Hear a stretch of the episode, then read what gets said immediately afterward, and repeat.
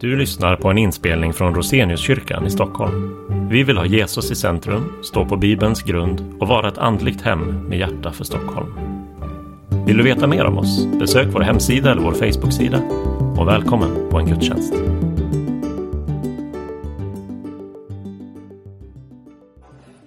Upplyft era hjärtan till Gud och hör söndagens heliga evangelium enligt evangelisten Johannes. På tredje dagen var det bröllop i Kana i Galileen och Jesu mor var där. Även Jesus och hans lärjungar var inbjudna till bröllopet. Men vinet tog slut. Och Jesu mor sa till honom, de har inget vin. Jesus svarade henne, kvinna, vad har vi med det att göra? Min stund har inte kommit än. Hans mor sa till tjänarna, gör vad han säger till er. Nu fanns det sex stenkrukor, sådana som judarna använder vid sina räningar. De rymde omkring hundra liter var. Jesus sa, fyll krukorna med vatten och de fyllde dem till bredden. Sedan sa han, ös nu upp och bär in det till världen. Och de gjorde så. Värden smakade på vattnet som nu hade blivit vin. Han visste inte varifrån det kom, men tjänarna som hade öst upp vattnet visste det. Värden kallade därför på brudgummen och sa, alla sätter fram det goda vinet först och sedan det sämre när gästerna börjar bli berusade. Men du har sparat det goda vinet ända till nu. Detta var det första av de tecken som Jesus gjorde. Och han gjorde det i Kana i Galileen och uppenbarade sin härlighet och hans lärjungar trodde på honom. Så lyder det heliga evangeliet.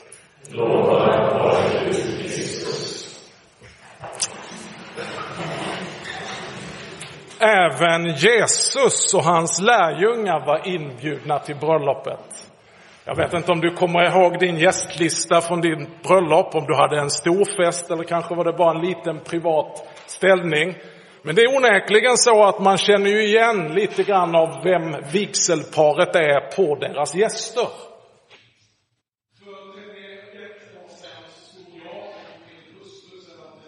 Nilla i Hörby kyrka mitt i Skåne och sjöng inför alla våra gäster duett. Hemska tanke.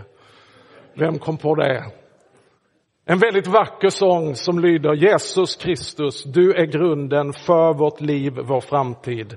Utan dig har livet inget mål. Jag är tacksam när jag ser tillbaka på att vi så tydligt inför många av mina icke troende vänner bjöd in Jesus i vårt liv. Ibland, måste jag erkänna, så har han skymts bland andra gäster som har kommit och gått genom åren. Men han har varit inbjuden och ständigt närvarande. Vårt liv tillsammans har absolut inte varit utan komplikationer. Men just därför är det tryggt att veta att Jesus har varit med. Han har varit inbjuden till den festen som det inte alltid upplevs som. Jesus är specifikt närvarande genom att han har blivit inbjuden till det här bröllopet i Kana och det blir också platsen för hans första under, hans första tecken där han uppenbarar sin härlighet. Vi har precis firat jul och då har vi betonat att Gud har blivit människa. Nu har vi kommit in i en tid som kallas för epifania eller epifania, trettondagstiden. Och då vänder vi på begreppen och visar att denna människa som nu vandrar bland oss är Gud. Och han uppenbarar detta genom att uppenbara sin härlighet. Jesus är inbjuden till bröllopet, men som vi ser så innebär ju inte det att saker kan gå fel ändå. Det är ofta en tanke vi har att om jag bara bjuder med Jesus så kommer ingenting gå fel. Ja, här går det riktigt fel och vi ska titta lite grann på den kulturella kontexten, vad det inbjuder eller vad det innebär. Men min första fråga som jag skulle vilja lyfta upp ifrån den här texten har du bjudit in Jesus och hans lärjungar att dela ditt liv? Idag sprids det en slags individualistisk kristendom där alla vill vara autonoma kristna utan auktoriteter och sig själva nog. Någon sorts privat kristendom. Man utformar sin egen teologi med lite soundbites från Youtube och poddar. Man rycker versar hit och dit och man skapar sin egen andlighet utan skriften eller hänsyn till kyrkans tradition och väljer sin egen väg efter att ha lyssnat på sitt eget hjärta. Arma människor. Man har förminskat kyrkan och församlingsgemenskapens roll och funktion till något så här extra valbart. Men det är oförenligt med Bibeln om vi vill se Bibeln som en auktoritet på en kristendom utan kyrka. Man kan inte välja Kristus utan hans kyrka, lika lite som man kan försöka göra kyrka utan Kristus. Och vi ser i vår tid försöken till båda där. Kristus är vår frälsare och vår Herre och bekänner vi honom som sådan så kan vi inte förneka hans kropp för vilken han är huvudet. Det är hans församling, Jesus och hans lärjungar. Därför så är det den platsen där vår kristna tro fördjupas och där vi får ösa ur livets källa. Om du undrar, likt Martin Luther för 500 år sedan, var kan jag finna en nådig Gud? Ja, svaret fanns i det predikade ordet, i det brutna brödet och vinet. Här är nådens källa. Här finns livets källa och det är församlingen som förvaltar den. Bjud in Jesus och hans lärjungar på din vandring. Men vinet tog slut. Allt det jordiska har ett slut.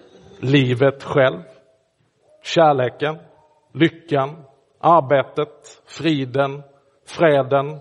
Ja, vi skulle kunna göra listan lång och kanske är vi mer bekanta med det faktumet idag än för 10-20 år sedan när vi levde i en sån upplevelse av säkerhet att vi tänkte ingenting kan någonsin gå sämre. Det blev bara bättre och bättre. Men helt plötsligt så hände det som ingen förväntade, hoppades eller kunde tänka sker. I den tiden lever vi idag. Både på ett individuellt personligt plan men också som världsmedborgare. Ingenting här på det jordiska planet är garanterat, för alltid bestående, hållbart, stabilt in i evigheten, riskfritt eller beständigt. Och det här anar varje människa och har därför från och till ett visst mått av oro, ångest och fruktan. Hur ska det gå? Kanske att i vår tid, just nu, den har tilltagit lite extra. Man vet aldrig när det tar slut. Men man har en intuitiv aning om att det kommer att ta slut. Vi vet att vi inte kan kontrollera vårt öde. Hur väl vi än har planerat så är det någonting som sker och som blir inte så som vi hade planerat eller tänkt. Ibland med en smäll, ibland genom någon sorts pyspunka att det sakta men säkert bara blir punktering. Pandemi, krig, psykisk ohälsa, instabilitet i ekonomin.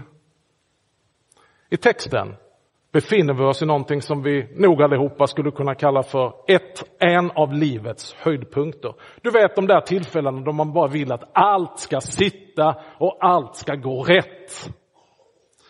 Tillbaka till vår bröllopsfest. Det var ett väldigt stort bröllop med många gäster.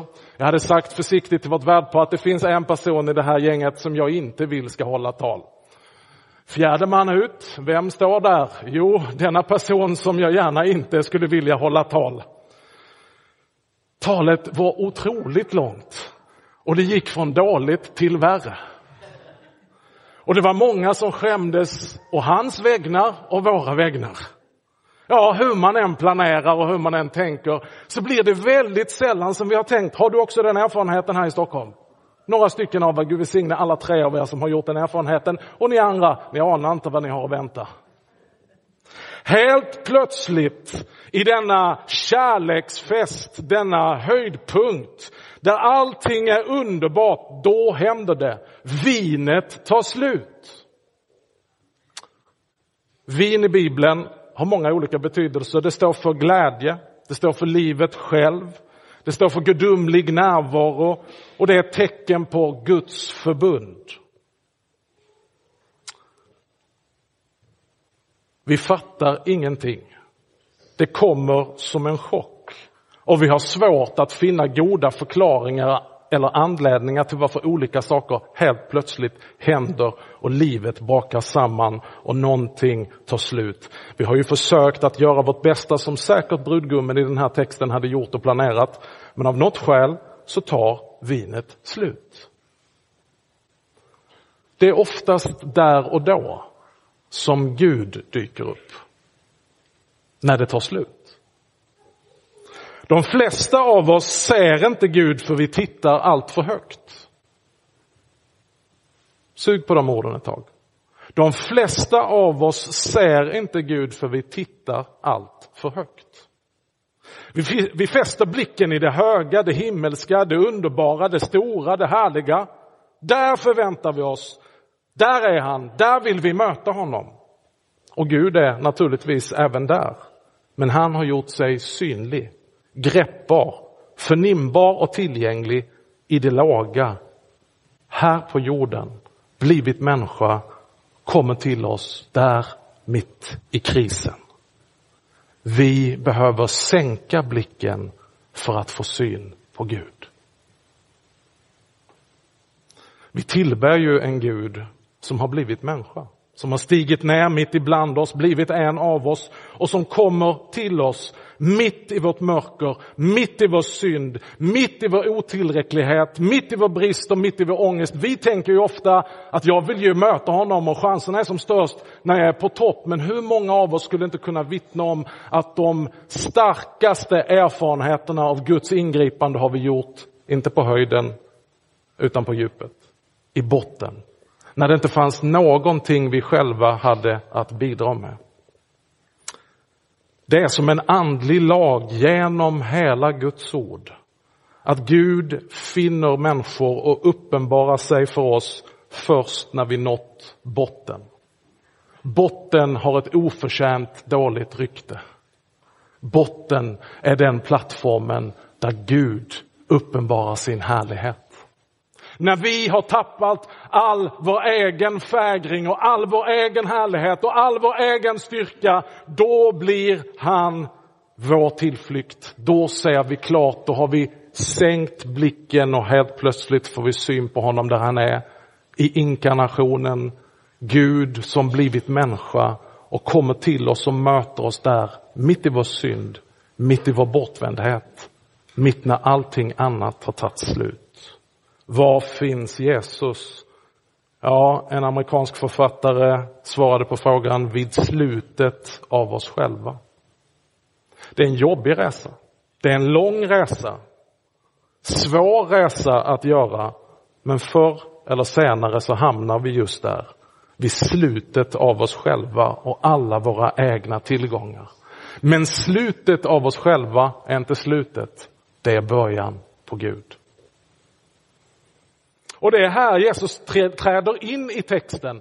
Det behövs att någonting händer. Hade inte någonting hänt på den här texten, ja, det vet vi inte, den är ju inspirerad av den helige ande. Johannes har tagit upp de här olika exemplen och visat på tecken han gör. Men om inte vinet hade tagit slut, det är det som är cuen. Det är det som är, eh, om du tänker dig liksom en teater så är det någon som viskar Jesus nu är det din tur.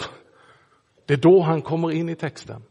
Och det är i de sprickorna i vårt liv, det är helt plötsligt där Guds härlighet får en möjlighet att skina fram. Gör vad han säger till er.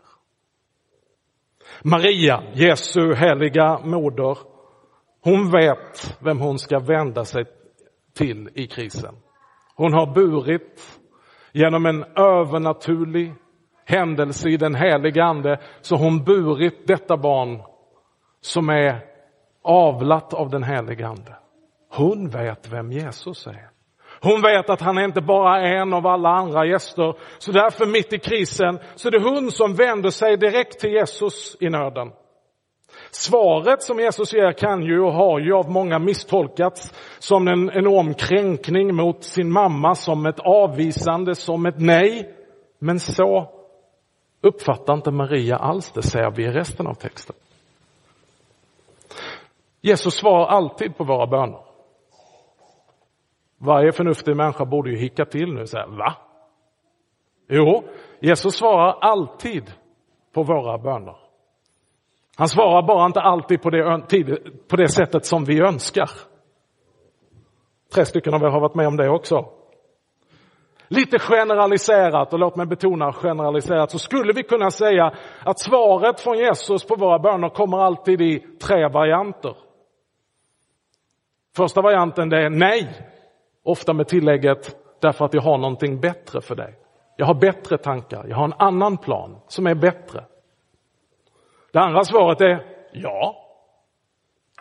Och det tredje svaret är ett ja med fördröjning. Inte nu, men när den rätta tiden är inne. Min tid, inte din tid. Ett ja med delay. Jag vet inte vilket av svaren vi tycker om minst. Ibland är det mycket enklare att förhålla sig till ett nej än ett inte nu. När jag växte upp så känns det som att jag jämt fick det svaret. Om jag satt i bilen med mina föräldrar på någon sorts, du vet den här dåliga idén att man ska åka ut på roadtrip med bilen full av barn under en varm sommardag och den eviga visan är vi framme snart? Har du varit med där? Och ibland så känns det kristna livet så och så vill man stanna och säga, kan vi stanna och köpa korv, kan vi stanna och köpa glass? Och min pappa satt också på repeat, inte nu. Men inte nu betyder inte nej. Inte nu har ju en fantastisk förhoppning i sig. Det betyder ja, men inte nu, utan sen. Vilket jag och min bror ganska snabbt kom på. Så att fem minuter senare så sa vi, nu då? Jesus han säger, inte nu. Men inte nu är inte ett nej. Och därför så säger Maria till tjänarna, jag har talat med Jesus, gör er redo. Många andra skulle kanske bli kränkta av svaret och tänka att det var ett jättetydligt nej. Men Maria känner sin son. Hon känner honom som är gudasonen. Och därför så har hon lärt sig hans röst och förstår att inte nu betyder när tiden är inne. Klara, färdiga, gå. På era platser. Gör dig redo. Vi behöver lära känna sonen så att vi i hans ord kan få se hans härlighet och förstå att hans ord är livets källa. Rikta uppmärksamheten mot vad han säger och lyssna och var redo att handla i tro när hans ord kommer till oss. Fyll krukorna med vatten. Och de fyllde dem till bredden. Och sedan sa han, ös nu upp och bär in det till världen. Och de gjorde så. Det här kan ju låta spännande, eller hur? Men det är så lagom spännande för tjänarna. Om du läser riktigt noga så är det sex stora stenkar som vardera rymmer hundra liter. Vi befinner oss i en tid då det inte finns inlagt vatten om man bara öppnar på en kran, utan antagligen så finns vatten någonstans i en brunn, förhoppningsvis i närheten. Det är ju knappast så att man konkar iväg med 100 liters kar och försöker fylla dem, utan man får nog springa som en galning fram och tillbaka och ösa vatten 600 liter. Det tar lite tid. Och jag tror att vissa av dem kanske tänkte, vänta, han har helt missat det.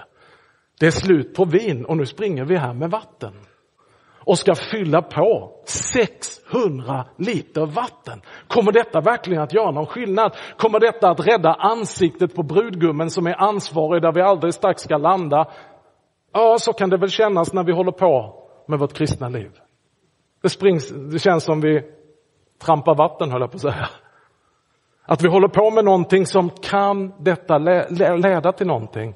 Men så ringer orden från Maria. Gör vad han säger till er. Gör vad han säger till dig. Vill du smaka av livets källa? Vill du se Guds härlighet?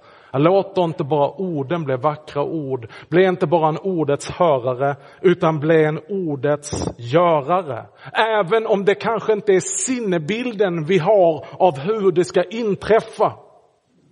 Men vi handlar i tro på hans ord. Att springa fram och tillbaka till brunnen, ja det kan ju kännas som att varje söndag springa fram och tillbaka till kyrkan. Utan kanske någon större upplevelse. Nu vet jag att sådana gudstjänster har ni inte i Roseniuskyrkan utan här är ständigt himlen öppen. Men på, i andra sammanhang kan det ju vara lite, jaha, vad gav det egentligen? Here we go again. Go through the motions. Och så tänker vi, vad ska detta tjäna till? Att varje morgon öppna Guds ord, läsa sina kapitel, fortsätta be sina böner, som ibland känns att de inte når längre än till taket och faller ner igen. Det kan kännas meningslöst. Men Gud kommer till oss genom konkreta instiftade handlingar. Genom konkreta elementa, materia, det mest elementära och vanliga och vardagliga. Genom utlagda ord i predikan utifrån Guds ord i församlingens gemenskap, i dopets vatten, i nattvardens bröd och vin, det mest basala. Där uppenbarar han sin härlighet och där kommer han till oss och handlar med oss. Tror du detta? Gör då så som han säger till dig. Låt oss landa. Världen smakade på vattnet som nu hade blivit vin. Alla som har varit med, de vet ju att det här är vatten direkt ifrån brunnen. Chateau de la Brunn. Äkta kommunalt badvatten. Men nu har det inte bara blivit vin, utan det har blivit vinet som är i de där högsta prisklasserna. Någonting som fullständigt är förundrande för världen. Jesus visar sin makt och sin härlighet. Jesus har förmåga att förvandla, låt mig få proklamera det idag. Jesus har förmåga att förvandla vanligt vatten till bästa sortens vin. Vi däremot, vi är allt för skickliga på att göra vin till vatten. Vi vill vattna ut det som är gudomligt. Vi vill gärna blottlägga mysteriet och bortförklara undret. Vi vill ta ner det på en förståndsnivå och en förnuftsnivå så att vi ska kunna greppa och dela och begripa. En vän till mig som arbetade inom aktiemarknaden satt med en väldigt intelligent annan aktiemäklare. Och så sa han, du som är så intelligent till min vän som är troende, hur kan du tro på en Gud som inte man kan begripa? Jag vill ha en Gud som jag kan förstå och begripa och fatta. Och då svarar min vän, om Gud skulle vara en Gud som du kan begripa, förstå och fatta, den guden vill inte jag ha. Vi tror att vägen till människors hjärtan är att vi tar bort allt som är ett mysterium och mystik. Att vi tar bort allting som rör sig på ett plan som inte går att förklara och så paketerar vi det så att det blir någon sorts enkel barnmat, hackad, malen och nervispad. Vi gör vin till vatten. Jesus han gör ett tecken som är odiskutabelt mitt ibland dem. Han visar sin härlighet, men han ger ingen förklaring. Han ställer sig inte och säger, och nu grabbar och tjejer, undrar ni hur jag gjorde detta? Låt mig bryta ner det. Nej, det kommer ingen sån förklaring. Det kommer ingen förklaring varför han gjorde det, hur han gjorde det, utan det är bara uppenbart att han gjorde det. Det är så Jesus uppenbarar sin härlighet mitt ibland oss och visar sin makt att förvandla det som är vatten till vin. Han förvandlar syndare till rättfärdiga. Han förvandlar orena till rena. Han förvandlar skuld till förlåtelse, skam till erkännande och kärlek. Han gör busar till barmhärtiga samariter, gängledare till församlingsledare, ateister till evangelister. Detta är hans ord och löfte. Tror du detta?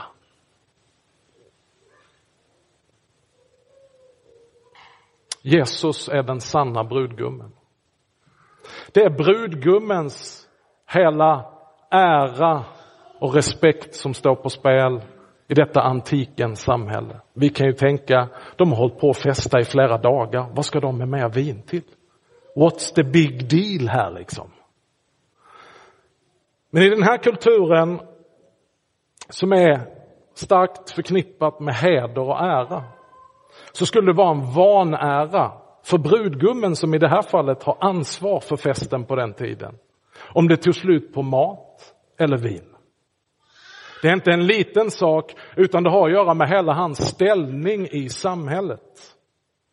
Och nu har vinet kommit till en punkt där det är slut. Det är ute med hans ära, det är ute med hans ställning. Och han visar bara på brist och oförmåga. Det är den största förnedring som skulle kunna ske i detta samhälle, i denna kultur. Men Jesus som är den sanna brudgummen, han går in och tar brudgummens plats.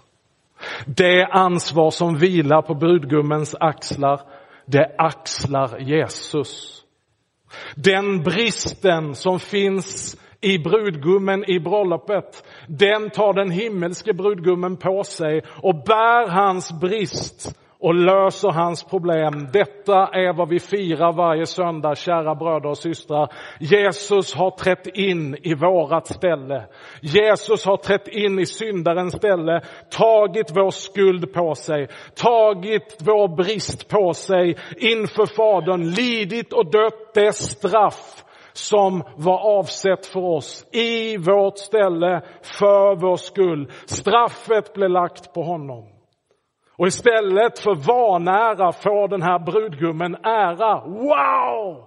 Alla andra serverar först det bästa vinet och sen när folk har blivit fulla, då är det fram med lådvinerna eller vad det nu är för någonting. Men du har gjort tvärtom. Du har sparat det bästa vinet till slut. Istället för vanära blir det ära.